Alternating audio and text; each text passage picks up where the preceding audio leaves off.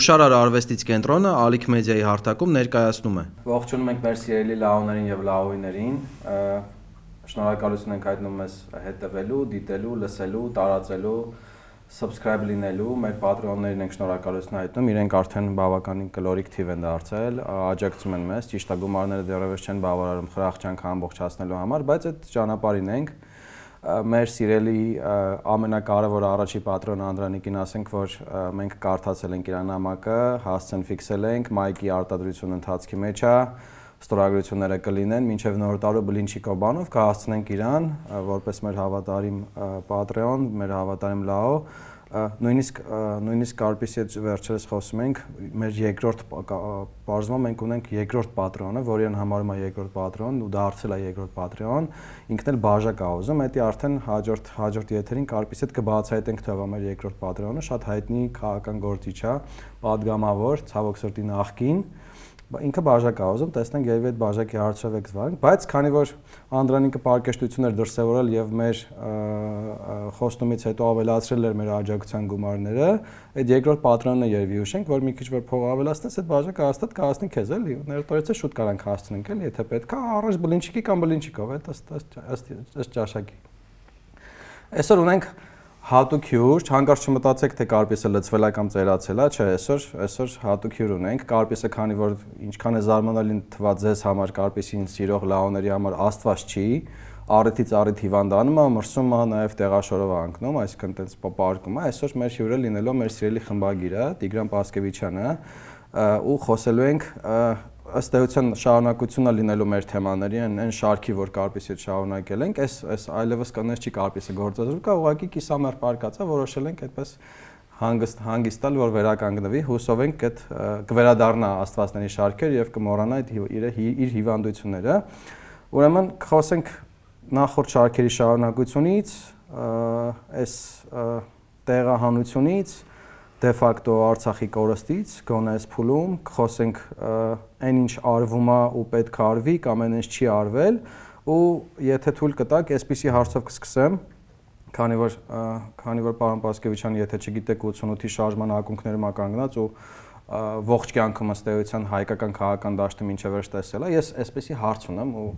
եւ մեր լաուներին լաուներին ավելի է կետակրկի, երբ որ շարժումը կար ու շարժումը սկսում էր ու հետո հետո պատրաստ եղավ, հետո չգիտեմ զինադադար եղավ, դուք կպատկաստնեիք, որ այդ ամենը այսպիսի մեղմ ասած աղետալի հետևանքներ կունենա եւ մենք այդ շարժումից 30 տարվա ընթացքում կհասնենք տեղահանության ու բռնագաղթի։ Շնորհակալություն։ Նախ միջև այդ հարցի պատասխանին անցնելը երկու բառ ասեմ կարպիսի մասին, առողջություն մաղթենք իրեն որտեվ ես երբեք մտքովս չէր անցել, որ այս ոդքասթի տաղավարում կարող հայտնվեմ։ Ուղղակի նկատի ունենալով վերջին հաղորդումների, հատկապես վերջին հաղորդումների նկատմամբ մեծ հետաքրքրությունը մենք որոշեցինք, որ այդ այդ դեպքի պատճառով չթողենք դատարկ չգնանք Ռոբերտ Խոյթանի ճանապարհով եւ չեթերազրկենք մեր լավներին։ Ես ինձ քիչ բան զգամ, լավ զգամ, որ կարամ գամ նստեմ կարպիսի տեղը էլի, հա որտեվ մեծ հաշվով այս խոսակցությունների մեջ ես կարծում եմ, որ ասենք կարպիսի ինտելեկտը եւ հմտությունները որպես ուրեմն ոդքասթ վարող, որպես հրապարակախոս այդքան էլ չունեմ, էլի։ Ես ես ասում եմ որպես սպեղանի իր համար, հա Ինչ վերաբերվում է այդ բանին, իսկապես իսկապես սпасել հնարավոր չէր։ Սпасել հնարավոր չէր այն առումով, որ 88-ից սկսած մինչև, ասենք, մի հատ sense բաժանում անենք, մինչև 94 թիվը, ամեն ինչ գնում էր շատ շատ տրամաբանական ու մտածված հունով 88-91-ին դա մի մի դրամաբանության մեջ էր 91-ին երբ որ Հայաստանը անկախացավ եւ ընդհանրապես խորհրդային միությունը դադարեց գոյություն ունենալուց այդ դրամաբանությունը փոխվեց այդտեղ այդ դրամաբանությունների արանքում պատերազմը սկսվեց պատերազմին ես ասեմ որ ասել թե Հայաստանը պատրաստ էր նկատի ունենալով պատերազմը իր ամբողջ ծավալով, իր լոգիստիկաներով, բաներով այդ ժամանակ դժվար կլներ, բայց նաև երևի պետք է ասել, որ Ադրբեջանն էլ պատրաստ չէր ու մենք երկուսս սկսեցինք այդ այդ բանի մեջ աճել միջև 94 թիվը, միջև 94 թիվը այդ դրամաբանությունը գնում էր 94-ից էլ միջև 98-ը կարելի ասել արդեն գնում էր այդ բանակցային դրամաբանությունը, որը ընդհատվեց 98-ին Լևոն Տեր-Պետրոսյանի հրաժարականով եւ դրանից հետո ես ասել թե կանխատեսել եմ թե ինչ կլինի, ինչ կլինի, բան սուտ կլինի, մեծամտություն կլինի, բայց կասկածներ կային, կասկածներ կային, որ այսպես շարունակելու դեպքում մենք գնալով ավելի ու ավելի թուլանում ենք, հատկապես օրինակ ես լավ հիշում եմ, ասենք այդ տարիները, երբ որ ակտիվ ես կարելի ասել միջև 2003-ի վերջը ուրիշ գործով էի զբաղվում այդքան ակտիվ լրագրության ու բանի մեջ չէի, բայց 2004-ից սկսած ավելի շատ ու անընդհատ լրահոսին հետևել, բանանել sense գործերի մեջ հիշում եմ որ այդ նավթամուղի բացումը երկաթուղի կառուցելու նախագիծը որ կար հայ Ադրբեջան Վրաստան թուրքական նախագիծը բաներ որից մենք անընդհատ դուրս էինք մնում եւ դա զուտ բանով մեծ քաղաքագիտական գիտելիք կամ բան պետք չէր հասկանալու համար որ երբ որ երբ որ շուրջդ ինչ որ բաներ են կատարվում բաներ, որոնք եկամտաբեր են, հա, քո հարևանների, հա, մյուսների համար, ու դու դուրս ես մնում, այդ նշանակում է, որ դու վաղ թե ուշ ինչ որ խնդիրներ ես ունենալու։ Եվ այդ խնդիրները ուշացան, ասեմ, բավականաչափ ուշացան։ Օրինակ դա ավելի շուտ կարող էին լինել, բայց երևի թե, երևի թե այդ համաշխարհային կոնսենսուսը չկար, նպաստավոր պայմանները չկային, ինչ որ եղավ 20 թվին։ Երբ որ խոսեցիք, որ այսինքն երբ որ մենք խոսում ենք այդ 90-ականների առաջի փուլի մասին, մինչև 94 թիվ, ես որքանով որ ուսումնասիրել եմ, հետևել եմ, լսել եմ, ոնց որ պետությունը զուգահեռ ստեղծում էր զուգահեռ պետություն, այդ պետությունը զուգահեռ ինստիտուտները, որոնք նոր նոր, նոր ստեղծվող ինստիտուտներ էին, զուգահեռ լուծում էին առօրյական խնդիրներ, թե կենցաղային բնույթի, թե, չգիտեմ, քաղաքական բնույթի, թե միջազգային ինչ-որ հարցերի, այսինքն պետությունը թե ինքնաստեղծվում էր, թե նաև միաժամանակ լծվում էր ինչ-որ խնդիրների լուծման, այսինքն մարդիկ միաժամանակ մի քանի գործունեություն են անում, ու ոնց որ թե այդ սկզբի այդ շարժման կամավորականությունից կանոնավորության էր գնում, այսինքն շարժումից պետություն էր դառնում, կամավորականությունից կամավորություն էր գնում process-ը։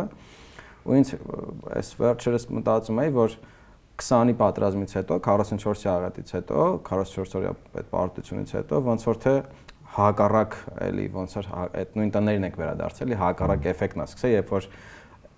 կանոնավոր պետությունից վերադարձանք ու այդ արդեն զգացվեր նաև պատրազմի օրերին, երբ որ երկրի համար մեկ դեմքի շուրթերից հնչում էր, որով տունը բրոնի կասկանի թող հավաքվի կա, չգիտեմ, այդ զորակայան որ գնան դիրքեր, այսինքն այդ դե ֆակտո կանոնավոր բանակի զուգահեռ կոչեր արում ինչ որ ինչ որ կամավորական ջոկատներ ձևավորել, այսինքն այդ պատրաստը արդեն ցույց էր տալի, ոնց որ հետընթաց ենք ապրում կամավորության դեպի, էլի նույն պետությունը հետ է գնում ու նաև հետո այդ կամավորական տարբեր շարժումները թե Երևանում, թե մարզերում, թե ինչ որ այդ ռազմահայնասիրական կառույցները այդ ամեն ինչը դուք ինչ եք կարծում կամավորությունը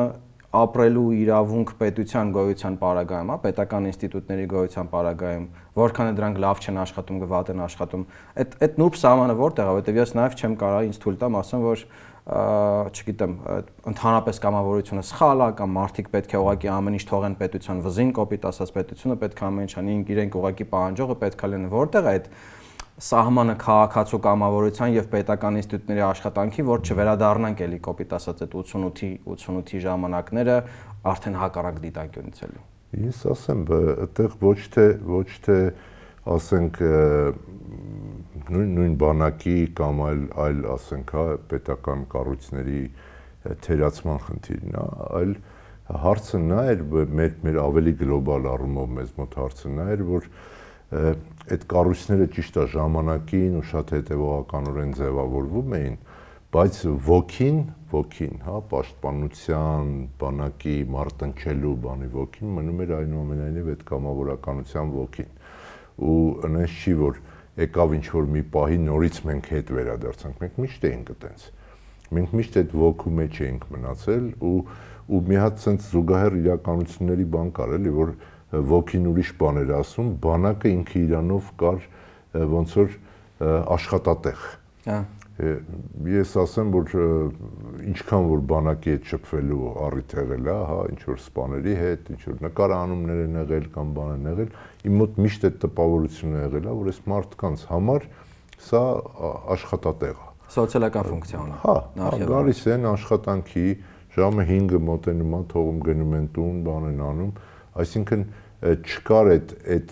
ոգին ու կառույցը իրար հետ բան բան եղած չէին էլի մի միախառնված չէին ես չեմ ասում թե գիտեք այս պատերազմում պարտության պատճառներից մեկը դա է կամ չգիտեմ դա չի ես կարծում եմ ավելի խորն է այս պարտության պատճառները բայց բայց մի բան կա որ պետական կառույցները չընկալվեցին որպես չընկալվեցին որպես ալտերնատիվ չունեցող առաջնահերթություն։ Հա, անայլընտրանք առաջնահերթություն։ Գիտեք, եմ ասում, որովհետև հիմա էլ էս արդեն երևի մեր եթերի գնալու պահին 100.000-ը երևի թե կանցնեն բռնագաղթվածների Արցախից բռնի հայնադարձ այդ բռնագաղթվածների թիվը արդեն 100.000-ը կանցնի Հիմա էլ ենք մենք զուգահեռ իհարկե պետության ինչ-ինչ ջանքերին տեսնում նաև այդ կամավորականության բուրնը աճը, որ շատերը նաև շատ տեղին ասում են, որ պետությունը ինքիչ ռեսուրսներով ունակ չի սпасարկելու այդ այդ արհավիրքը, այդ մարտավերը, որ հիմա կա։ Այլ հարցը ո՞նց ենք եկել այդ մարտարավերին, դրանից մի քիչ ուշ կխոսենք, բայց ներկա փուլում երբ որ այսօր վաղը 1 ժամից 2 ժամից այդ խնդիրները կան, պետք է ամեն ամեն րոպե սпасարկել այդ խնդիրները, նայել այդ խնդիրներին եւ ընդունել այդ մարդկանց, տեղավորել այդ մարդկանց, չգիտեմ, մտածել ինչ որ կարճ հեռանկարով, հիմա էլ կա այդ այդ այդ այսինքն ես օրինակ լսել եմ մեկնաբանություններ, որ կամավորականությունը իհարկե ինչ ինքը ինչ որ մի փուլի այդ պահին ճգնաժամի պահի ինքը կարևոր է, բայց ինչ որ մի պահի կարող ոնց ասեմ, պետական ինստիտուտները դարձնի պորտաբույց թեկուզ եք, այսինքն պետական ինստիտուտները ոնց որ թուլանան, որ իմանան, որ ցանկացած ճգնաժամային պահին կարող են հասարակության վրա հույս դնել, հասարակությունը կարող է ինքնակազմակերպվել եւ այսպես այդ բերը ամբողջի մի մասը, չգիտեմ, վերցնել իր վրա, բայց հետո երբ որ ինչ որ ժամանակավոր դադար լինի, ինչ որ խաղ, ինչ որ ճակերտավոր թեկուզ եք խաղ իրավիճակ լինի, պետությունը չաշխատի սեփական ռեսուրսների կամ սեփական ինստիտուտների ամրապնդման վրա, որովհետև գիտի, որ դե հաջորդ ճգնաժամ ժամանակ էլի կամավորներ կլինեն, այսինքն ինչ որ ոնց որ հակառակ կոնտրպրոդուկտիվ է ինչ որ մի պահի կամավորականությունը դառնում այդ ինստիտուտների պետության համար, էլի, որովհետև այս պարտության մի պատճառներից մեկը նաև այն էր, որ մարդիկ ինչ որ մի պահի ուղակի ոնց որ իրենք բաժանվել էին պետությունից, պետությանը պետությունը որպես ինստիտուտ ճշնամի էին ակնկալում, պետության էլիտաները, չգիտեմ, պաշտոնավորները, պաշտոնյաները ինչ-ինչ ազդեցություն ազդեցություն ունեցող խմբեր իրենց օրակարգով էին ապրում, իրենց աշխարհայացքով էին ապրում, իսկ ժողովուրդը իր օրակարգով էր ապրում, բայց եթե ինչ-որ ընդհանուր խնդիր կար, նոր այդ ժամանակ կամավորականությունը ոնց որ փորձում էր այդ անդունդը ծածկել, էլի դուք այդ այդ խնդիրները ոնց կարելի է լուծել, Ինձ ինձ թվում է, ես տպավորություն ունեմ, որ եւ պետական կառույցները եւ կամավորները այս հոսքը ընդունելու, այս հենց մենակ այս այս գործը անելու ժամանակ բավական հաջող համագործակցում են ու այդ մուտքը ապահովում են մուտքը ապահովում են բայց դա բայց դա գործի մի 1000-րդ մասն է մոտավորապես եթե եթե օթանավակայանի օրինակը բերենք ասենք միշտ բանը, այդ օթանավը կանգնեց, այդ տրապը կամ այդ տերմինալը բանը ժամանակին մոտենում է բանան, միշտ եթե խնդիրներ են ելնում, խնդիրները առաջանում են ուրիշ տեղ։ Այսինքն դրանից հետո ես ինչքան որ թռել եմ, համարյա չեմ հիշում, որ նստես սպասես տրապ չգա կամ տերմինալը չմիացնեն բան չանեն։ Գալիս է, ասենք, բանի այդ անցագրային կետում հերթեր, գալիս ես իրերը տեն կորել, գալիս ես այնտեղ մեկ էլ մի հատ շուտ մի հատ նոր խումբ հայտնվել, որը ասում է պետքա մի հատ էլ կանաչ գծով անցնես կամ կարմիր։ Մի խոսքով բոլոր խնդիրները ու հիմա էլ այդ այդ վիճակն է։ Իրանք այդ կետից ներս թողելը, հա, այդ անցագրային կետից ներս թողելը հաջող իրականացնում են, բայց այսօր օրինակ բանի այդ Գորիսի մամուլի ակումբի նախագահը գրել էր, որ Գորիսը դարել է, ասենք, բան, ճամբար, բացօթյա, վրանային ճամբար ու նույնիսկ ահազանգեր հնչեցնում, որ համաճարակի բանի վտանգ կա, որտեղ սանիտարահիգիենիկ վիճակի հարցեր կան, բաներ կան, որ նույնիսկ ասма մոբիլիզացվել են բոլոր այդ սանիտարական ծառայությունները, բաները, որոնք ոչինչ չեն կարողանում անել, էլի։ Այսինքն հետո դրանց բերել, տեղավորել, այլ խնդիրներ լուծել, այ այդտեղ ես համաձայն եմ, որ հիմա երբ որ Facebook-ի այդ feed-ին հետևում ես, համաձայն եմ, որ ամեն ինչ մնացել է կամավորների վրա որ մեկ էլ սկսում են բան անել, չէ՞, այսինչ գյուղում մի հատ բնտուն, հա։ այսինչ բանում մի հատ, չգիտեմ, պանսիոնատ, մի հատ, չգիտեմ ինչ, 50 աշխատատեղ կստեղծեմ։ Այս այս բոլոր բաները շատ լավ են, այդ բանա բարի կամքի դրսևորումներ են, բայց իրականում չգիտեմ, էլի ասենք մնացած ասենք գործընթացները ոնց են լինելու Այսինքն այդ կամավորականության ալիքի նվաղումից հետո, երբ որ նստի այդ կամավորականության ալիքը, այդ պետական ինստիտուտները արդեն ոնց պետքա, չգիտեմ, այդ կոնկրետ պաշտոնյաներ, կոնկրետ գերատեսչություններ, կոնկրետ նախարարություններ ոնց են շարունակելու այդ մարդկանց հետ աշխատել, որովհետև այդ մարդիկ մի շաբաթվա, երկու շաբաթվա կամ մի ամսվա կարիք չեն ունենալու որ իրենց հետ աշխատան, մարդիկ կան այնտեղ ընտանիքի ամբողջ արական սեռը կորցրել են դե ֆակտո, ամուսնուն են կորցրել, որդուն են կորցրել, միգուցե թորանն են կորցրել, այսինքն այնտեղ ահռելի հոգեբանական խնդիրներ ունեն։ Ես նույնիսկ վախենում պատկերացնել ծավալը, սոցիալական խնդիրներ ունեն շատերը, այնպես չի շատ բարեկեցիկ, հարուստ կամ չգիտեմ, այսպես կայացած, ֆինանսապես կայացած միջավայրերից են գալիս կամ ընտանիքներից են գալիս, ու դրան զուգահեռ նաև իրենց ադապտացիան հա, Հայաստանում տարբեր մարզերում ըստ որում, այսինքն շատերը նույնիսկ խոսում են, որ ու նաև բնական է որ չեն ուզի սահմանամերձ մարզերում ապրեն, որովհետև ոնց որ մի արավերքից գաս մյուս արավերք, իսկ իրենց առնվազն գոնե թե կարճաժամկետ, թե երկարաժամկետ հեռանկարում հանգիստ է պետք, այսինքն հոգեբանական հանգիստ է պետք, որ մարդիկ ամեն ամեն անգամ ամեն առավ չվախենան այդ չարտանան այդ վախից այդ որ միգուցե նոր բռնի տեղահանման արժև կանգնեն ու այդտեղ արդեն այդ ինստիտուտները որոնք կան, թղթով կան նախարարություններ կան, պաշտոնյաներ կան, ինչ որ գումարներ կան, ֆինանսական ռեսուրսներ կան, այսինքն այդ կամավորությունը եթե դառնա ինչ որ կանոնավոր կանոնավոր քաղաքացիական ինչ որ մի մաս կանոնավոր, որը կհետևի կամ կպարտադրի այդ ինստիտուտներին, որոնք այսինքն այս ալիքը երբ որ նստի 1 ամսից 2 ամսից, չգիտեմ, 4 ամսից 5 ամսից մենք իմանանք այդ մարդկանց բոլոր մարդկանց ճակատագրերը, որովհետև խեմ սա ասում, սկզբում հիմա օրինակ շատ վախենալ է, երբ որ խոսվում է, որ օրինակ 90000 90000 արցախցի է մտել Հայաստան, տեղահանված է մտել Հայաստան, ու դրանցից 10000-ն են կամ չգիտեմ 15000-ն են պետական աջակցություն ստացել, գրանցվել, չգիտեմ ինչ որ իրենց տվյալները կան, մնացածը ուղղակի ասել են մենք մեզ պետություն պետք չի դե ֆակտո, այսինքն երբ որ դու ասում ես որ ես իմ գլխի տերն իրանք են ասել կա, իրանք չեն ուզում։ Հա, իրենք, հա, իրա, ոչ դիմել են պետությանը, ոչ աջակցության ծրագրերի են դիմել, նույնիսկ շատերը կան, որ կոնտակտները չեն տվել, այսինքն սկզբի են թողու բոյի ժամանակ, շատերը ուղղակի սահման անցել են եւ գնացել են։ Իհարկե, ունեն բարեկամներ, միգուցե ունեն բնակարաններ, միգուցե ունեն ինչ որ գումարներ կամ ինչ-որ ֆինանսական միջոցներ կանոնանալու համար, բայց այդ արցախցիների այդ ամբողջության մեջ ինտեգրացիան այդ պետական այդ մարմինների, այսինքն մեր հասարակության, բայց նախ եւ առաջ պետության ինստիտուտների, որոնք աշտավարձ են ստանում այդ աշխատանքի համար, իրանց ֆունկցիան պետք է լինի, որովհետեւ այդ այսինքն իրանց հետ պետք է աշխատել։ Իսկ ես օրինակ կարծում եմ, որ տեղահանվածները 20 թվականի, օրինակ Հադրութ Հադրութից տեղահանվածները, որոնք Հայաստան Հայաստանում են մնացել, տեղավորվել, չգիտեմ, այտենց ադապտացվել, ինչ-ինչ փորձառություն են ձեռք բերել, իրանց, չգիտեմ, փորձը կարելի օգտագործել, ընկերներից մեկն էր գրել, որ այդ լավ ոնց որ օրինակ է, իրանց նաև իրանց ինչ որ առումով ներգրավելով այդ process-ներում, որպես իրանք էլ կարողանան այտենց այդ ներդրում ունենան, էլի այդ ընդհանուր, որովհետև ներկա պահին մենք բացի արտաքին քաղաքական խնդիրներից, արտաքին քաղաքական մարտրավերներից, որոնք կան, բարձրաձայնվում են, միջանցքի նույն միջանցքի հարցը Թուրքիայի ու Ադրբեջանի կողմից կամ Ռուսաստանի կողմից նաև մենք ոնց որ այս փուլում ամենակարևորը արագ ադապտացիան է տեղահանվածների հասարակության մեջ, որ เป զի մենք որ փորձենք գոնե այդ բոլոր խնդիրներին միաժամանակ համաժամանակյա ձևով էլի պատասխանել այդ հարցերին։ Ես այդ շատ բարդ խնդիր է, որը բայց նախ մի հատ այդ կամավորության մասին խոսեմ, հետո հետո կանդրադառնամ դրան։ Գիտես, կամավորությունը, եթե մշտական կենսակերպ չի մարդկանց համար, հասարակությունների համար, դա վտանգավոր բան է։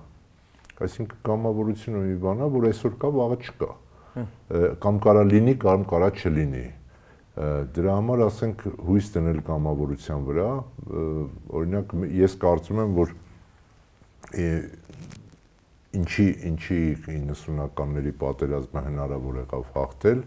որովհետև շատ արագ այդ կամավորություն նախ նախ այդ կամավորներին բերեցին այդ պաշտպանության պետական կոմիտեի մեջ մցրեցին, հա, հատուկ գունդ ստեղծեցին, բանարեցին, բոլոր ինչ որ քայլերով տարան բանարեցին, այդ այդ կամավորությունը բերեցին դեպի պետական ստրուկտուրաներ, բայց ոնց որ մի քիչ առաջ ասացի, այդ միտքը մեկա մնաց բանով, բերեցին պետական ստրուկտուրաներ, դե նաև նաև հավանաբար մեր ուրեմն դիտողներն էլ գիտեն, որ այդ ժամանակվա իշխանությունը շատ մեծ հոսք ապահովեց կադրային սպաների, որը որը շատ կարևոր էր։ Այսինքն իրանք էլ հասկանում էին, որ կամավորության վրա հույս դնել առանձնապես հերո չես գնա կամավորությամբ։ Նա չես դնի հույսը։ Օրինակ Ուկրաինայում մի քիչ ուրիշ ուրիշ է տարբերակը, էլի Ուկրաինայում կամավորությունը եւ պետական ստրուկտուրաների աճը, կամավորության եւ դրանց աճը զուգահեռ էին լինում եւ այս պատերազմը ստիպեց, որ իրանք խառնվեն իրար։ Ու նկատի ունեմ ավելի ռազմական կամավորության բանը։ Իսկ մյուս տիպի կամավորությունը իրանք նես չէր որ նստեցին սպասեցին որ 22 թվին պատերազմ լինի նորից հավաքվեն 14 թվին եղել էր 14 թվին բազմաթիվ կառույցներ էին ստեղծվել, ենթակառույցներով, բաներով եւ այլ եւ այլն, ու իրանք աշխատել էին 6 տարի,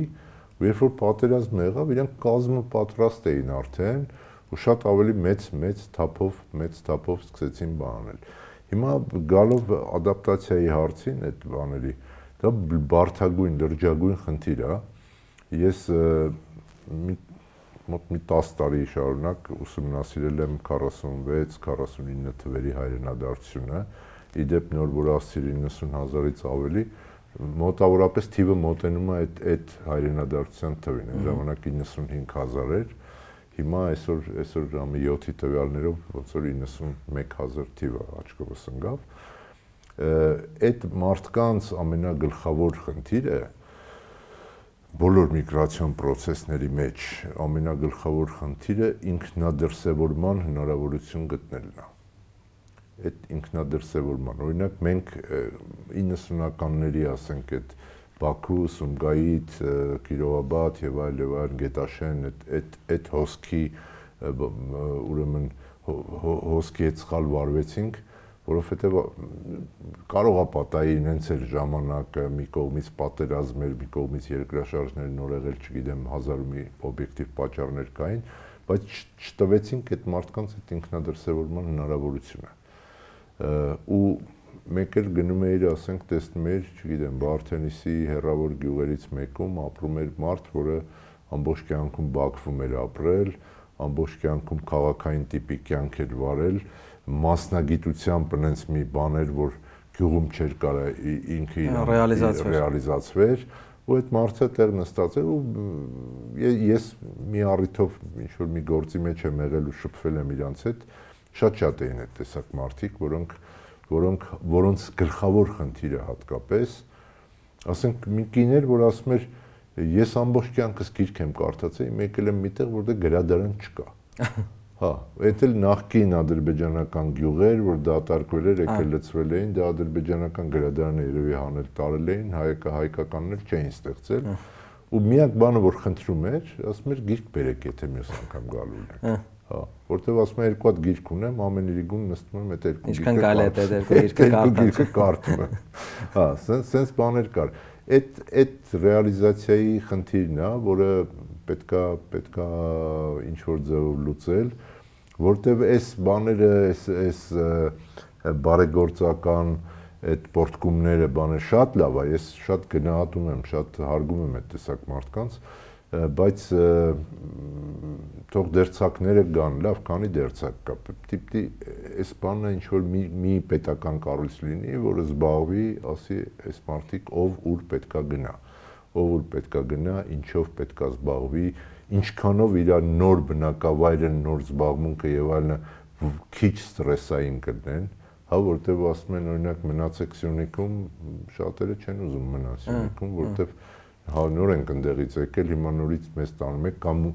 երեք կարծում եմ Չինարի գյուղից են տուն առաջարկում, Մովսես գյուղից են առաջարկում, դրանք Բերթից անընդհատ ռմբակոծվող բաներ, բան, հա գնդակոծվող տարածքներ են բանեն,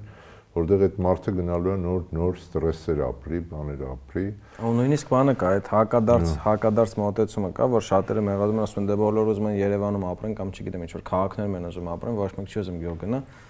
հաշվի չառնելը, որ այդ վերջի քաղաքային քաղաքային տիպի բնակչությունը քաղաքում է ուզում ապրել, էլի պետք չի, տենց, այսինքն մենք պետք է արցախցիներին, այդ բռնի տեղահանված արցախցիներին, այդ էթնիկ զտումից փրկված արցախցիներին վերաբերվենք որպես ոչ թե որպես ինչ որ ոնց ասեմ, դեմոգրաֆիկ տար, որը կարելի է լցնել դատարկ մարզերը։ Այլ իրancs պետքա վերաբերենք որպես լավագույն միջուկը մեր հասարակության, մեր ժողովրդի, որի ադապտացիայի համար պետք է նես պայմաններ ստեղծենք, որ իրանք այդ ձեր ասած ինքնարեալիզացվեն, այսինքն ինչ որ նոր իմաստներ ստեղծեն, նոր աշխատանք անեն, այսինքն որովհետև եթե դու այդ չանես, ինչ որ հիմա ինչ որ ակտիվ լինի, փող տաս, չգիտեմ, տուն տաս, ինչ որ տեղ պահես, սրտաճամլիկ ստատուսներ գրես կամ թվեր գրես, որ չգիտեմ, առաջի երամսյակում մի քանի միլիարդ փող տվեցինք այդ պետությունը իր ֆունկցիաները Դրանից հետո եթե մարդը տեսնի, որ ինքը մարգինալ է դառնում, այսինքն պետությունը իր սոցիալիզացիայի հարցով չի զբաղվում կամ պայմաններ չեն, չեմ ասում, հենց, չգիտեմ, ամեն մեկի հետ մի սոցիալական աշխատող դնես, որ գնա իր սոցիալիզացիայի հարցով զբաղվի, բայց ինչ որ բազային պայմաններ, ուղենիշներ այդ մարդկանց եթե համար ստեղծվի, թողելու են գնան, էլի ինչ որ մի մասը ամ դեպքում թողելու է գնա, ոչ մեկ ու մենք այդ փորձ դարը փորձը ցավոք սրտի ունեցել ենք ու հիմա էլ պետք է էլի ոնց որ կարանանք այդ ոնց փակ շղթայից դուրս գանք, էլի հաղթարենք այդ խնդիրը, բայց այս այս մասով հիմա ուրիշ հարց կուզեի տա, իսկ ես առիթով մի բան ասեմ, էլի գիտես, եթե ես որոշում կայացնող լինեի, ու եթե իհարկե ֆինանսական միջոցները ներեին, ես կստեղծեի մի հատ առանձին քաղաք այս մարդկանց համար։ Անուններ կարող է դնել Ստեփանակերտ։ Հա, որտեղ որը ինքը իրանով կարա լինի մի հատ նոր ոնց որ ասած լաբորատորիա։ Հա։ Լաբորատորիա քաղաքային իրականության, քաղաքային կյանքի բանի, որտեվ ասեմ Ստեփանակերտը ես որ հիշում եմ առաջ որ հաճախ գնում էինք, ինքը օրինակ իր տեսակով բավական տարբեր քաղաք էր։ Ինքը Երևան չէր, ինքը Գյումրի չէր, ինքը Վանաձոր չէր, ինքը իր իր ոճը, իր տեսակը ունեցող քաղաք էր ու ու կարելի է ասենք բանանել այդ այդ մարդկանց այդ մարդկանց ստեղծել, բայց այստեղ կախ, կախված է նրանից նաև այդ մարդկանց ապագան ոնց է տեսնվում։ Այսինքն արդյոք իրանք իրանք պետք է մնան ստեղ, որպեսի մի օր անպայման հետ գնան։ Իրանք իրանք այդ իրավունքը իրանց հետ բերել են, թե չեն բերել։ Այսօր օրինակ Գեղամ Բաղդասարյանը մի հատ գրառում էր արել Facebook-ում, բանեց մամուլի ակումբի Ստեփանակերտի մամուլի ակումբի նախագահը, որը ասում էր, որ շուտ էր արել, մի 5 օր առաջ էր արել, հələ որ այս հոսքը չէր սկսվել ու ասում էր, որ պետքա դիմել միջազգային ատյաններին ու ասել, որ իրանք կան կազմակերպեն, որ իրանցով մենք ունենանք այդ իրավունքը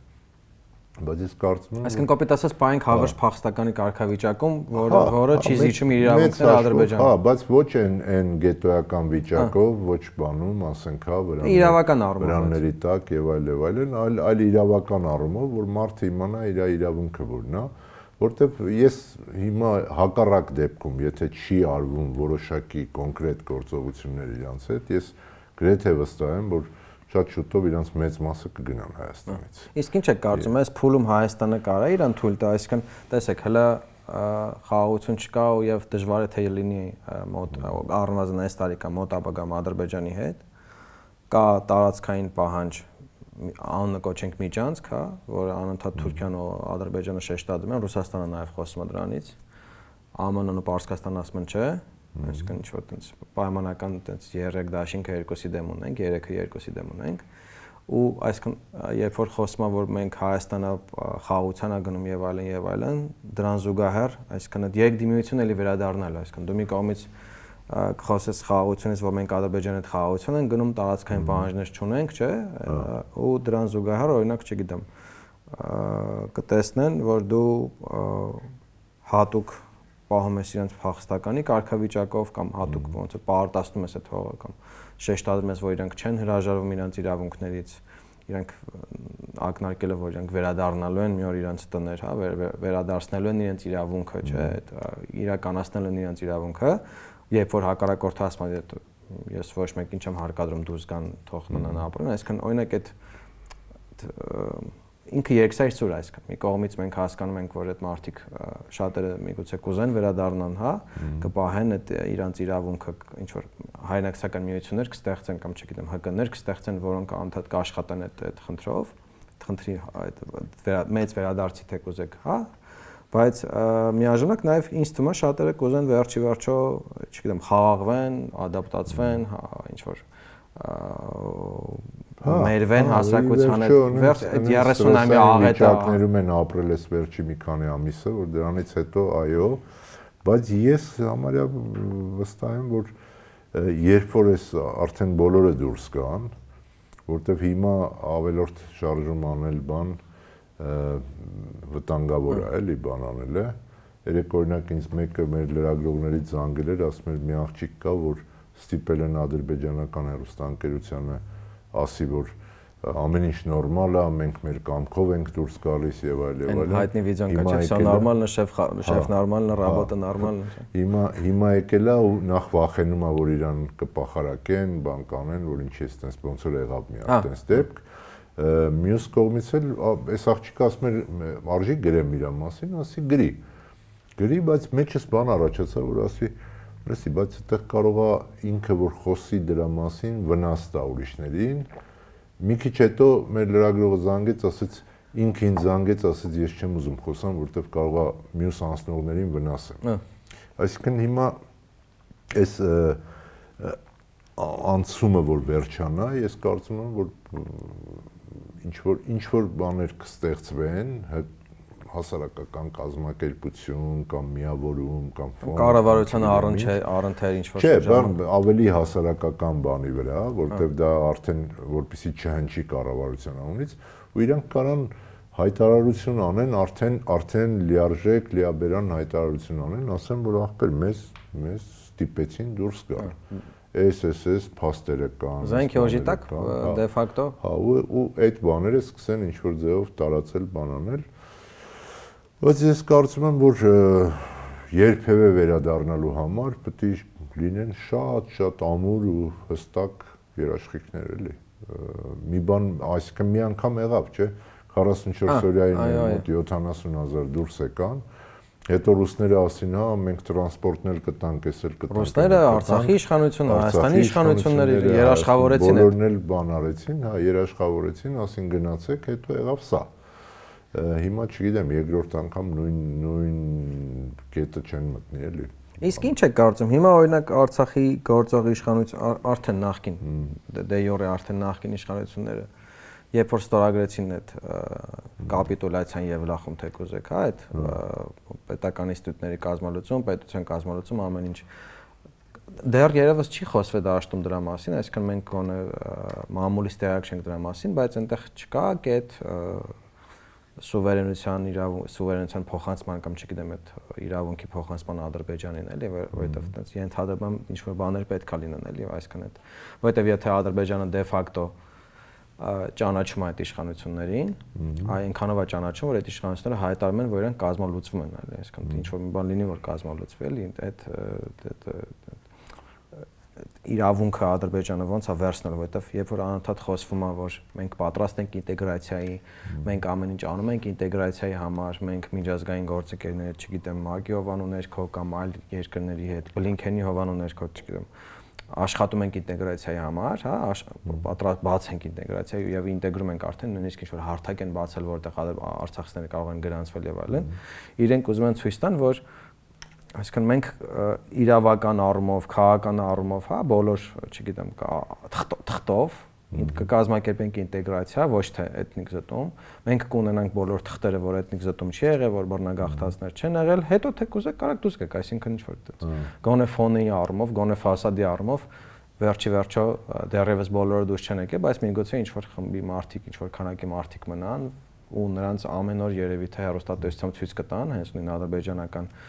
մեդիան ցույց կտա, որ տեսեք, այս մարդիկ մնացին, ինտեգրվեցին, հանգիստ ապրում են, հա, հա, հետո էլ օրինակ չի, հա, հետո էլ ասենք չգիտեմ ինչ որ կվերադառնան պայմանական Ստեփանակերտից տեղահանված ադրբեջանցիները, օրինակ, չգիտեմ, դրանք կսկսեն ապրել Ստեփանակերտի արցախցիների հետ, հա, հայերի հետ ու ինչ որ այտենց Պաճոմկինյան գյուղեր կստանանք, էլի միգուցե, այսինքն այդ այդ որտեվ այդ կա, այսինքն եթե իշխանությունները Ադրբեջանի իշխանությունները խոսում են, որ ինտեգրացիա անում ենք, վերջի վերջը եթե իրենք անդադ շեշտում են դա, իսկ միջազգային հանրությունը, այսինքն նույն արևմուտքը ԱՄՆ-ն, Եվրամիությունը, հա, խոշոր դերակատարները ընդունել են այդ օրակարգի ըստեյության, երկրորդում են այդ օրակարգը, որ ասում են այո, ինտեգրացիա մենք պատրաստվում ենք միջազգային դիտորդներ ուղարկել, որոնք հետևեն հումանիտար խնդիրներին, բայց նաև հաշվի կառնեն ինտեգրացիան, օրինակ այսօր ԵՄ արտաքին գործի նախարար Բորելի խոսնակներ դա մասին ասում, այսինքն այդ ոնց է արվելու էլի, օրինակ չգիտեմ, որովհետև ես ենթադրում որ կարող ստեղից ատելության խոսք լինի ինչ-ինչ խմբերի կամ մարդկանց կողմից այդ մնացողների հասցեին, որ դուք չգիտեմ, դավաճանեցիք, մնացիք, Թուրքիա հետ եք ինտեգրվում եւ այլն եւ այլն ամեն դեպքում այդ մարգինալ խմբերը կան։ Լինի Կերևա, լինի Կերևա, ասենք ինչ քանակ է մնում, մնացողների մոտիվացիան ինչ է, բայց ինձ համար ինձ թվում է, այտենց այսօր մտածում եի, որ բավական անսպասելի բան էր, որ Ադրբեջանը Ղարաբաղին ասում է ինքդ քեզ լուծարի, էլի։ Որտեվ ստեղ ստեղ այնուամենայնիվ կա այդ պահը, եթե դու ասում ես ինքդ լուծարի Ղարաբաղի անկախ հանրապետությունը, այդ նշանակում որ դու ընդունում ես, որ ինքը կա։ Բայց մյուս կողմից կարող է եւ կարող է եւ որ քանի որ եղել է հանրակրվե, բան, sense բաներ չնայած այդ հանրակրվեն աշխարհում ոչ մեկը չէր ճանաչել, անգամ Հայաստանը չէր ճանաչել, կարող է այդ իրավական ինչ որ արարողակարգեր պաշտպանելու, պահպանելու համար է, որ ասել են դուք ցեզանով, բայց մի տարբերակ էլ կա վերջի ու ամենատհաճ տարբերակը, որ ուղղակի այդ Ալիևի այդ նվաստացման քաղաքականության բաներից մեկն է, որ այ ձեր ձեռով կլուծարեք, էլի։ Ձեր ձեռով կլուծարեք ու կիմանաք այդ ոնց է լինում, էլի։ Թե չէ Ալիևը կարող էր նախագահական հրամանագիր կամ ազգային այդ մեջլիսի իրանց որոշում կամ տես մի բան օրենք մի բան ընդունեին ու վերը վերջացնեին այդ հարցը այսինքն ինձ ինձ թվում է այնուամենայնիվ որ երրորդ տարբերակը ավելի ավելի նման է իրանց գործելակերպին էլի ընդհանուր առմամբ իսկ ովքեր կմնան ինչքան կմնան ինչ նպատակով կմնան այդ ժամանակը ցույց կտա որտեվ դժվար առնելու ապրել ապրել չնայած ես ասեմ միջև ընդཐུպ միջև 2000-ական թվերը օրինակ Ղարաբաղի մարդկանց հետ որ խոսում էր իրանք շատ շատ բարի հիշողություններ ունեին իրանց ադրբեջանցի ընկերների հարևանների, բաների մասին, շատ նույնիսկ առաջի պատերազմից հետո։ Առաջի պատերազմից հետո ես առաջի շոկը, որ այտենց ապրել եմ, մեկի տանն էինք երեկոյան, այտենց մենք ստեղից գնացած, իրանք էլ Ղարաբաղցիներով հավաքվել էին, տենց ընտրիկ էինք անում։ Եկել բանն էին ցույց տալիս, այդ Բաքվի մոտի ճամբարը փախստականների, մեկի հետ ռուս ժուրնալիստը հարցազրույց էր անում։ Այս իմ ծանոթներից մեկը Ղարաբաղցի ստեղից վեր թռավ, ասեց. «Վագիֆը, Վագիֆը» ընկերս էր, բան, ու սկսեց շո պատմություններ պատմել, որ ինքը պիտի ամուսնանար, կոստյում չէր կարում ճարեր, գնացել է այդ Վագիֆը իրան տարել է Աղդամ, Աղդամի եսի միշտ բազաներում ասել է գնա ընտրի, որը ուզում ես, չգիտեմ ինչ բան։ Այսինքն սովետական կենսալի sense պատմություններ բաներ։ Հա, այսինքն այդ հələ 90-ականների վերջ, 2000-ականների այդպես բաներ միշտ կար բաները, բայց ռոպագանդան էլ իր գործը անում էր էլի։ Ասենք մարդու հետ կարա հարց տայր ասեր, Հələ մի հատ պատմի էլի ոնց է հիշում բան ադրբեջանցիների, մի հատ լավ բան պատմել։ Մեդիայով հիշեր։ Մի քիչ չէ, ինքը Իրանով հիշեր, մի քիչ հետո մեկ էլ այդ մեդիայի թողած բանը։ Բառապաշարը վերարտադրեր։ Ա, բայց դե դրանք մարդ չեն, էլի դրանց հետ ճիլնի ապրել, ասենք։ Հա, այդ մի մի րոպեի ընթացքում երկու, ասենք, տարբեր միտք ասել, էլի։ Նվաստացումից խոսացիք, այսօր որ լուրերն էին նայում, Լևոն մնացական Արցախի Լեռնային Ղարաբաղի բաբը նախկին անտարին են ձերբակալել էին նաև գործող արդեն նախկին գործող ՊԲ-ի փոխ փոխ հրամանատար Դավիթ Մանուկյանին, Մանուկյան։ Դաշնակցության պատգամավոր Գեգամ Մանուկյանի եղբորը, ենթադրեմ սխալվում հարազատ եղբորը հավանաբար։ Մինչև այդ Ռուբեն Վարդանյանն են ձերբակալել Արցախի նախկին պետնախարար, այսինքն դեռևս մեր թողարկման պայն առևազան լուրեր չունենք Արկադի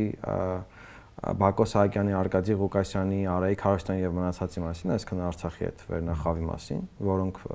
լուրեր չունենք, որ եկել են Հայաստան, անցել են այդ անցակետով, թե օրինակ ունենք ա,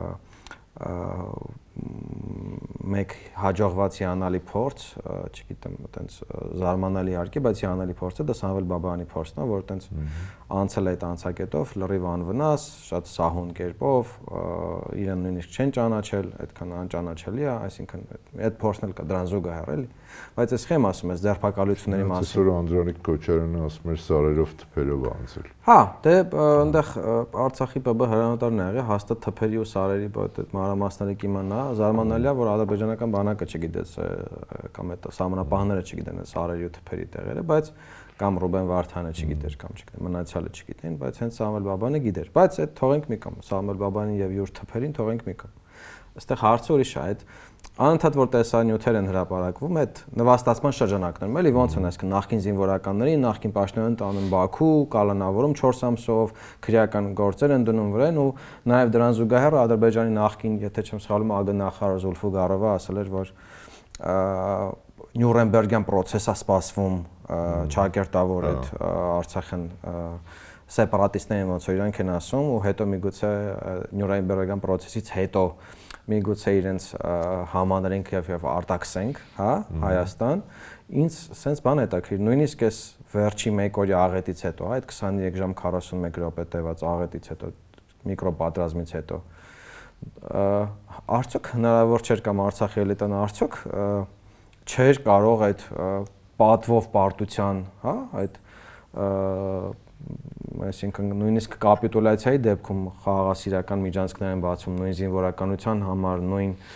այդ պաշտոնյաների համար, հա, նույն այդ պետության ներկայացուցիչների համար, այն պետության, որ Ադրբեջանը ճանաչում է որպես պետություն, որովհետև վերջ-վերջը ճանաչում է այդ պետության դեվալվացիան, հա, այդ պետության ինքնալուծարումը ճանաչում է, այսինքն արդյոք այդ էլիտան մինչև վերջ այնքան ինչ ասեմ, այնքան կույր գտնվեց, այնքան անտաղանդ գտնվեց, այնքան ձեռնունային գտնվեց, որ չկարողացավ նույնիսկ սեփական այդ սեփական ելք կազմակերպել, հա, սեփական անվտանգության երաշխիքները ստանալ դուրս գալու, որովհետև ինչքանը մենք համակրենք կամ հակակրենք այդ էլիտային այդ քաղաքական գործիչներին, չգիտեմ, որոնք միգուցե թալանել են, միգուցե հարստացել են, միգուցե շանսեր են բաց թողել մի քանի անգամ շանսեր են բաց թողել, հա, ինչ որ խաղաղ ելքի գոնե ոչ պատրազմով կամ ոչ վերջին զորերով, բայց այդ նվաստացումը որ կա, այդ որ տանել են Բաքու, նկարեն, ցույց տան միգուցե ինչ որ բաներ իրանցից կորզեն, հա, ինչ որ մեղայականներ կորզեն, ինչ որ գազագրեր կորզեն, չգիտեմ։ Արդյոք հնարավոր չէ, այսքան էլիտան ի վերջո այդքան անտաղանդ գտնվես նույնիսկ սեփական այդ պետք է ընդամենը հասկանալ որ պատերազմ ա եղել մենք պարտվել ենք ամենապարզ բանը դա էր որ մենք մենք չհասկացանք ես կարծում եմ հիմա այս այս մի օրյա այդ աղետը որ շատ ավելի իր բանով խտությամբ իր տեսակարար կշռով շատ ավելի բաներ քան նույնիսկ կարելի ասել 44 օրյան դա էլ չհասկացան այսինքն պետքա հասկանաս որ դու պարտվել ես ըստ դրա բանանես հիմա ես անկեղծ ասեմ, որ բոլոր նրանց, ում որ բռնում են, ձերբակալում են, բանանում, անկեղծորեն ցավում եմ։ Բոլորին ճանաչում եմ, մի մասին հարգում եմ, մի մասին չեմ հարգում, մի մարդիկ կան մեջները, որոնց հետ ինչ որ կոնֆլիկտներ եմ երբևէ ունեցել, բան եմ արել, բայց ասենք նույն վերցնենք Դավիթ Դավիթ Բաբայանի։ Պատերազմից մի տարի հետո Թաթուլ Հակոբյանը մեր մի որ երբ որ մեր մոտ էր հարցազրույցներ անում, մի հատ արտագնա հարցազրույցների շարք արեց Ղարաբաղում։ Հիշում։ Դավիթ Բաբայանի հետ հարցազրույցեր արի, ասում էր հնարավոր համարում եք ադրբեջանցիների հետ խոսելը։ Ասում էր այո, հավասարը հավասարի դիրքերից։ Ես դրանից հետո բան ելնում։ Կարծես թե պատերազմ չի եղել, չէ՞։ Հա, չի եղել, պատերազմ չի եղել, բան չի եղել, որ ի՞նչ է նշանակում եղբայր հավասարը հավասարի դիրքերից։ Ու այդ մտայնությունն էր, որ իրանց բերեց աղետի։ Իրանք պետք է պատերազմի հաջորդ օրը ամսի 11-ին պետքա արդեն մտածեին ոնց ոնց վերադասավորվեն Ադրբեջանի հետ հարաբերություններում։ Իսկ իրենք հիմա էլի մտածում են դե լավ ռուսներն եկան, ռուսները ռուսները կանեն։ Բայց ինչ որ ժամանակ կարող է արել են առաջի շրջանում, երբ որ Ղարաբաղ գնացող եկող Ղարաբաղցիների բանի հետ խոսում էր, իրանք բավականին գոհ էին ռուսներից։ Բայց պատերազմը սկսվեց ու հատկապես պատերազմի առաջի 40 օրը, որից հետո པարզ դարավ, որ այդ ռուսական այդ բլիցկրիգը տապալվեց, բլիցկրիգը տապալված է, որ այդ այդ ամեն ինչը փուչիկ էր, որ Կիևի մատույցներից խայտարակ կերպով հեռացան բանալեցին, դրանից հետո արդեն ակնհայտ էր, որ ռուսները ռուսները այլևս նախկինը չեն նախ ֆիզիկապես ուժ չեն ունենալու մեզ պաշտպանելու երկրորդը երկրորդը արդեն բան չեն ունենալու շահագրգռություն չեն ունենալու պաշտպանելու որտեվ ակնհայտ էր որ երկրորդ ֆրոնտ բացելու հարց կա դաշնակից չկորցնելու հարց կա իդեմս Թուրքիայի եւ այլ եւ այլն եւ այդ այդ պատճառով մենք մեր ողբերգությունն է որ մենք անընդհատ ինչ-որ մեկի վրա ենք մեր հույսը դնում Ստեղից էլ չէ իշխանությունը, եթե հիշում եք, ԱԽ քարտուղար Արմենը Գրիգորյան ասում էր նոր էր պատերազմը անցել, այս 21 թիվն էր, այսինքն կեսերն էր եւ ասում էր, որ այդ հələ հարց է մենք ենք պարտվել թե Ադրբեջանը, որովհետեւ Ռուսաստանի զորքերն են այնտեղ, չէ, որովհետեւ հա Արցախցիներն մնա։ Իսկապես, այսինքն այդ այդ այդ 44-րդ աղետից ու այդ այդ պաշտոնական դիրքորոշումներ, այսինքն Արցախի իշխանությունները նույնիսկ նույնիսկ դուք Դավիթ Բաբանին հիշեցիք, ես նույնիսկ ես կասեմ նույնիսկ այդ 8-ի պայմանական 8-ի հեղաշրջումից հետո, իսկ իրականում տեղա իշխանության տեղափոխումից հետո, որովհետև պետնախարար դարձավ Արայիկի հորեղբեր որդին, Արայիկն էլ մնաց այդ որոշում կայացնողների շրջանակում, այսինքն զուտ քաղաքագիտական առումով այդ հեղաշրջում չես կոչի, էլի, այսինքն ու նույնիսկ այդ ժամանակ Դավիթը դաշնակցական Դավիթ Իշխանյանն ասում էր, որ դեռևս հա, ասուլիս էր տվել դրա Արցախի ազգային ժողովի նախագահ տվելու հաջորդ օրը, թե նույն օրը ու խոսում էր այդ ինքնորոշումից, խոսում էր ինքնավարությունից, հա, այսինքն կամ օրինակ Սամվել Բաբայանը երբ որ խոտոր ճանապարհներով, ծառողիներով, արահետներով, այսինքն այդ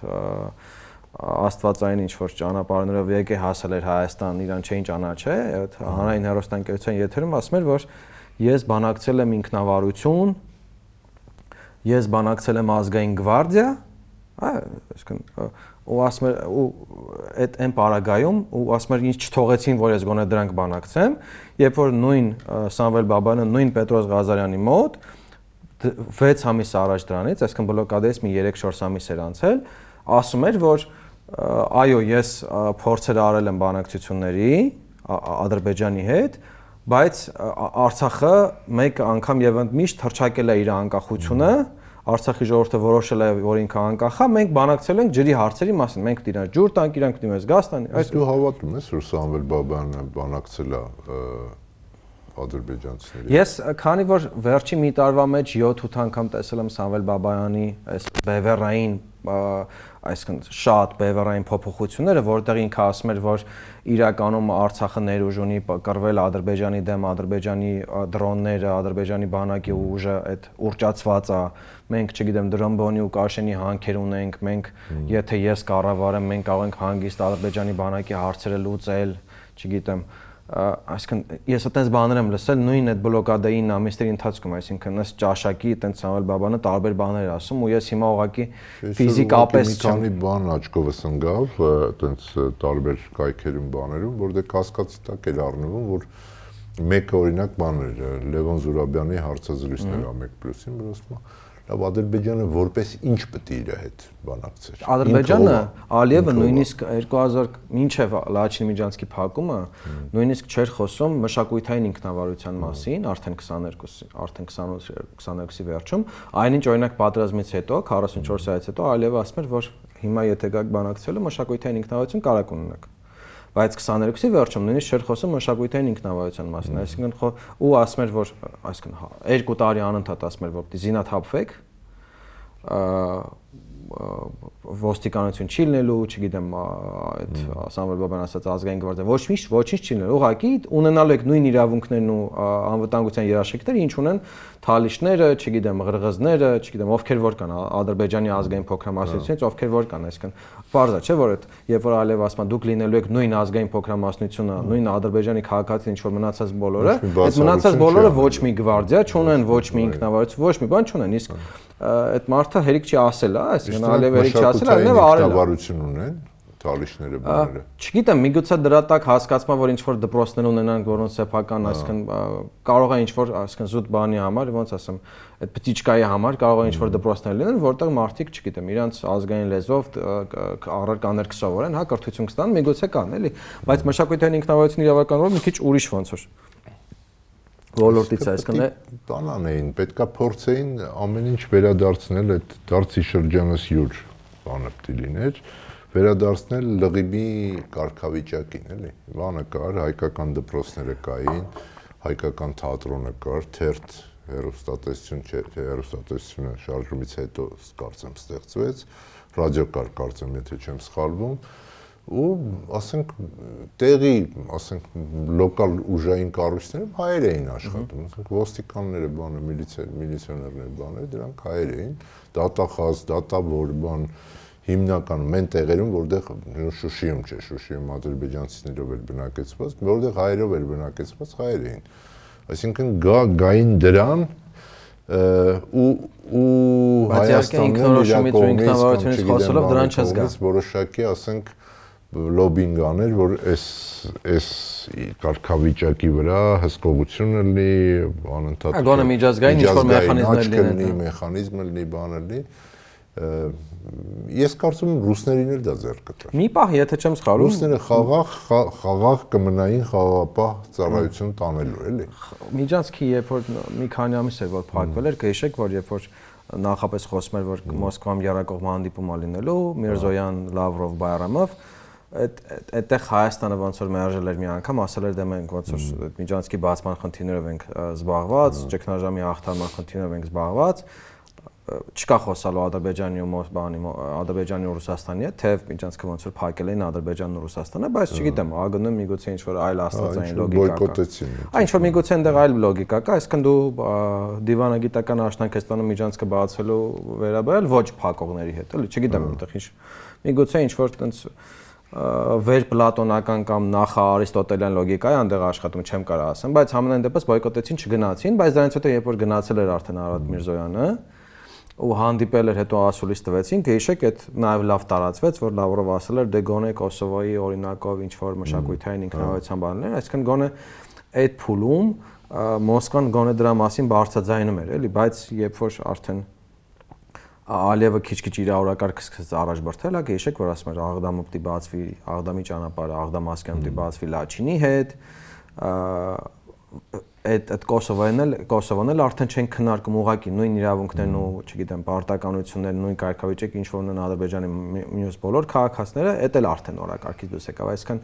մենք 20-ից անընդհատ այդ ոնց ասեմ, առավելապաշտական, առավելապաշտական բաներ դնելով նույնիսկ այդ կորցրեցինք ու եկանք հասանք այդ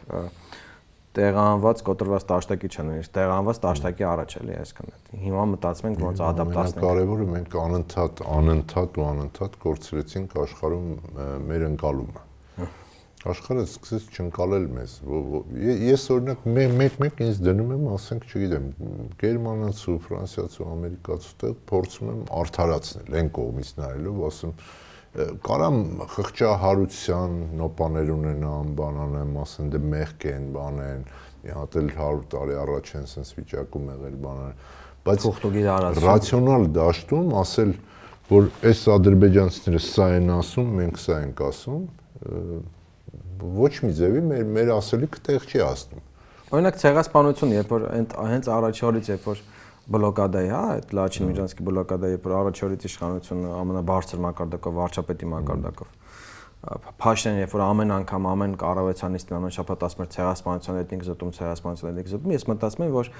մենք ոչ թե միջազգային հանրությանը, հա, այդ այդ խեղճ մշեցին լալով կամ Խրիմյան հայրիկը լացրելը ոչ թե միջազգային հանրությանը բացատրում է, որ ախպեր ստե ցեղասպանություն է, էլի չեք հավատում, որ ցեղասպանություն է։ Հենա ամեն շաբաթ, ամեն 5 շաբթի օրը մի 10 րոպե բացատրում ենք ձեզ, որ ցեղասպանություն է, այլ մենք դրանով ու ոնց որ թե չկա ցեղասպանություն, կա բլոկադա, կա, ասենք, չգիտեմ, այտենց տնտեսական խնդիրներ, հա, չգիտեմ, սով սով սով կամ եւ այլն, բայց ցեղասպանություն չկա որպես այդպեսին։ Մենք դրանով ոչ թե օգնում էինք գործընթացին, օգնում էինք process-ին, օգնում էինք նույն արցախցիներին կամ ամրապնդում էինք մեր ոնց որ փաստեր, փաստարկները, հա, այդ մեր օրակարգը առաջ ենք տանում, այլ մի բան էլ ոնց որ արժե զրկում ենք ցեղասպանությունը, ցեղասպանություն տերմինը, ցեղասպանության ամբողջ առաջինը ո՞ա ցեղասպանություն տերմինը օգտագործել։ Այս շրջանում հենց իշխանությունները հենց Փաշինյանն էլ ասում էր այսքան, հա։ Փաշինյան առաջինը Փաշինյանից է, ու դա աբսուրդը, որ լսի պետություն ունեցող ժողովուրդ ես, չի ցեղասպանության մասին ես խոսում 15 թվին որ ցեղասպանվում էիր, պետություն չունեիր, ինչ որ մի հատ կայսրության մի հատված էիր, ընդ որում կեսը քաղաքներում էին, կեսը գյուղերում էին, բաներին, sense վիճակում էիր, բաների ցեղասպանվում էիր, բայց հիմա դու պետություն ես։ Պետությունը արդեն ցեղասպանության դեմ դրած մի հատ երաշխիք է։ Ոնց կարաս պետություն լինելով, վարչապետ լինելով, սկսես խոսալ ցեղասպանության մասին։ Երբ որ դե ֆակտո ցեղասպանություն չկա, ինչքան է գուցե։ Ամենասկզբում որ 88-ի բանի մասին խոսեցիր, այդ Սումգայիթը որ եղավ, ադրբեջանցիները մի հատ բանաստեղծ ունեին, Անար էր անունը։ Անար։ Եթե ճիշտ եմ հիշում, Անար։ Սերը, ես ասի Անալ այս անորը ինչ որ բան էր, ինձ թվում է այտենց բավական անհաջող մի քիչ նացիոնալիստ ու բան բանաստեղծեր ու նոմենկլատուրային էր ոնց որ թե համարվում։ Սա մի հատ ինտերվյու էր տվել ռուսական ինչ որ թերթի ու ասել էր որ հայերը մազոխիստ են, իրանք անընդհատ իրանք այդ ցեղասպանությունը իրանց վրա են քաշում, էլի։ Իրանց զորի բալայանն ա եղել, անորը։ Հա, այդ կարգի ինչ որ մեկն էր, հա ես հիշում եմ, որ ահա որ հոդվածներ էին Երևանում գրվում, ելույթներ էին ունենում մարդկանց, սրա տեղն էին դնում, բան էին անում, բայց ինչ որ հետարքիր այնորն եմ հիշել, որ ես խիր ասել էլի sense բան։ Անարին շատ տխուր է։ Անընդհատ ինչ որ ցեղասպանության մասին ենք խոսում, իսկ մի բանի մասին որ խոսում ես, անընդհատ Արժե զրկվում է, հա։ Համարժե զրկվում է, ամեր սկսում ես մոտեցնել էլի իրան։ Հա մոտեցնել։ Դե ոնց որ պատրաստես հասարակությունը ինչ որ մաքսիմալ աղետի, հետո մինիմալ աղետով ասես տեսեք բանը։ Հա ոնց ասեմ, տնազրկվեցին, հողազրկվեցին, գաղթեցին, բռնագաղթվեցին, բայց չցեղասպանվեցին, այսինքն հաղթեցինք էլի կամ 90000 եկավ ասենք։ Կամ ասենք, չգիտեմ, նույն իշխանությունը կարող գիշեր ցերեկ խոսա ինքնիշխանությունից, սուվերենության պաշտպանությունից, նույնիսկ շարժումներ ստեղծի, չէ, անկախության պաշտպանության շարժում ա ստեղծել վարչապետը կամ ինչ որ մեկ այլ շարժում ա ստեղծվել, սուվերենության պաշտպանության շարժում ստեղծվել, միտեղ ստեղծվել է ինչ որ հպարտության շարժում, հա, ինչ որ այդ վրանային շարժում ստեղծվել, հպարտության շարժում ստեղծվել, շարժումներ են, էլի։ Էլի նույն վերադարձ 80-ին այդ կամավորության շարժում, շարժումների բանի ու այդ շարժումների ֆոնին, երբ որ դու ասում ես, որ մենք պաշտպանում ենք սուվերենությունը, մենք պաշտպանում ենք ինքնիշխանությունը, կամ օրինակ, չգիտեմ, հորինում ես 12000 վագներականներ, որոնք հիբրիդային հեղաշրջում են անում, հա, այդ բանը, չգիտեմ, իշխան լեգիտիմ իշխանություններին են հերացնում, որ բերեն ինչ որ ռսաճտերի իրանց բարապաշրով ասած կամ ռուսի գործակալների, որտեվ սա գործակալներ են վխտում, ու հետո երբ որ դու չի լինում դա իհարկե, որովհետեւ դրանք բոլորը մտածածին են, 12000 վագներականներն են մտածածին, այդ հիբրիդային հեղաշրջումներն են մտածածին, դու սպիտակ ձիով ասպետի պես հելում ասում ես, որ մենք հաղթեցինք հիբրիդային հեղաշրջմանը, մենք հաղթեցինք այդ պետության դեմ պատերազմին, մենք պաշտպանեցինք պետությունը փլուզումից, մենք սուվերեն ենք եւ ինքնիշխան ենք, դե ֆակտո դու ինքդ Դոն Կիխոտի պես ստեղծել ես մեդիայով, քո փորձագեերով, քո փորձագետներով, եթերագլուխներով, ես իրենց եթերագլուխ եմ էլի կոչում։ Ստեղծում ես քո հողմնաղացները, հետո դու ինքդ հաղթում ես այդ հողմաղացներին ու որպես Դոն Կիխոտ եւ նաեւ քո Սանչո Պանսաները, լիքը Սանչո Պանսաներ կան, դե այտենց հաղթում ես այդ ամեն ինչին, էլի այտենց։ Դոն Կիխոտի լաուներն են։ Այո, այո։ Լսի, ես ինձ մի տեսակ անհարմար եմ զգում կարպիսի տեղը երկար նստելուց։ Հա։ Արի մի անգամ եւս կարպիսին առողջություն մաղթենք ու վերջում ինչ որ բաներ է շահասում։ Այո, հույս ունենք, որ կարպիսը շուտ շուտ կլավանա, շուտ կվերադառնա եթեր իր սիրելի աուդիտորիայի մոտ, մեր սիրելի աուդիտորիայի մոտ, մեր հարգելի եւ պատվելի լաոների եւ լաոիների մոտ Շնորհակալություն ենք հայտնում մեզ հետևելու համար, մեզ լսելու համար, մեզ դիտելու համար։ Կսպասենք ձեր արձագանքներին։ Կոմենտներում գրեք ոնց էր պարոն Պասկևիչյանը լաոյի եթերում, կուզեք հետո էլ լսեք իրան լաոյի եթերում, միգուցե ասեք, չգիտեմ, լավ ստացվեց, հյուր կանչեք կամ չէ, չստացվեց ընդհանրապես։ աստված է առողջություն, ախպեր ջան, հա, ես Լայքեք, շեյրեք, տարածեք, կոմենտեք, մեր YouTube-ը աճի, մեր Facebook-ը աճի, մեր փողը աճի, մեր եկամուտները աճի, Patreon-ը աճի, սաղ աճի, որ մենք էլ ոնց որ շարունակենք ձեզ որակել կոնտենտ մատուցել, ձեզ որակել շաբաթական մի ժամ կամ դրանից ավել մի քիչ տրամադրել ու տեսնենք շաուրմայի մասին շաուրմայի քանի եւ մնացած առավելությունները ոնց որ վայելենք մենք նաեւ վայելենք դուք որ ես ելնեմ ես բան եմ ասենք պրոֆիտրոլ եմ ուտում շաուրմայի մասնագետ չեմ էլի ձեր շայրից չի բխում այս եթերիկեկնությունը բայց ամեն դեպքում շնորհակալություն հաջողություն ամենայն բարիք հաջողություն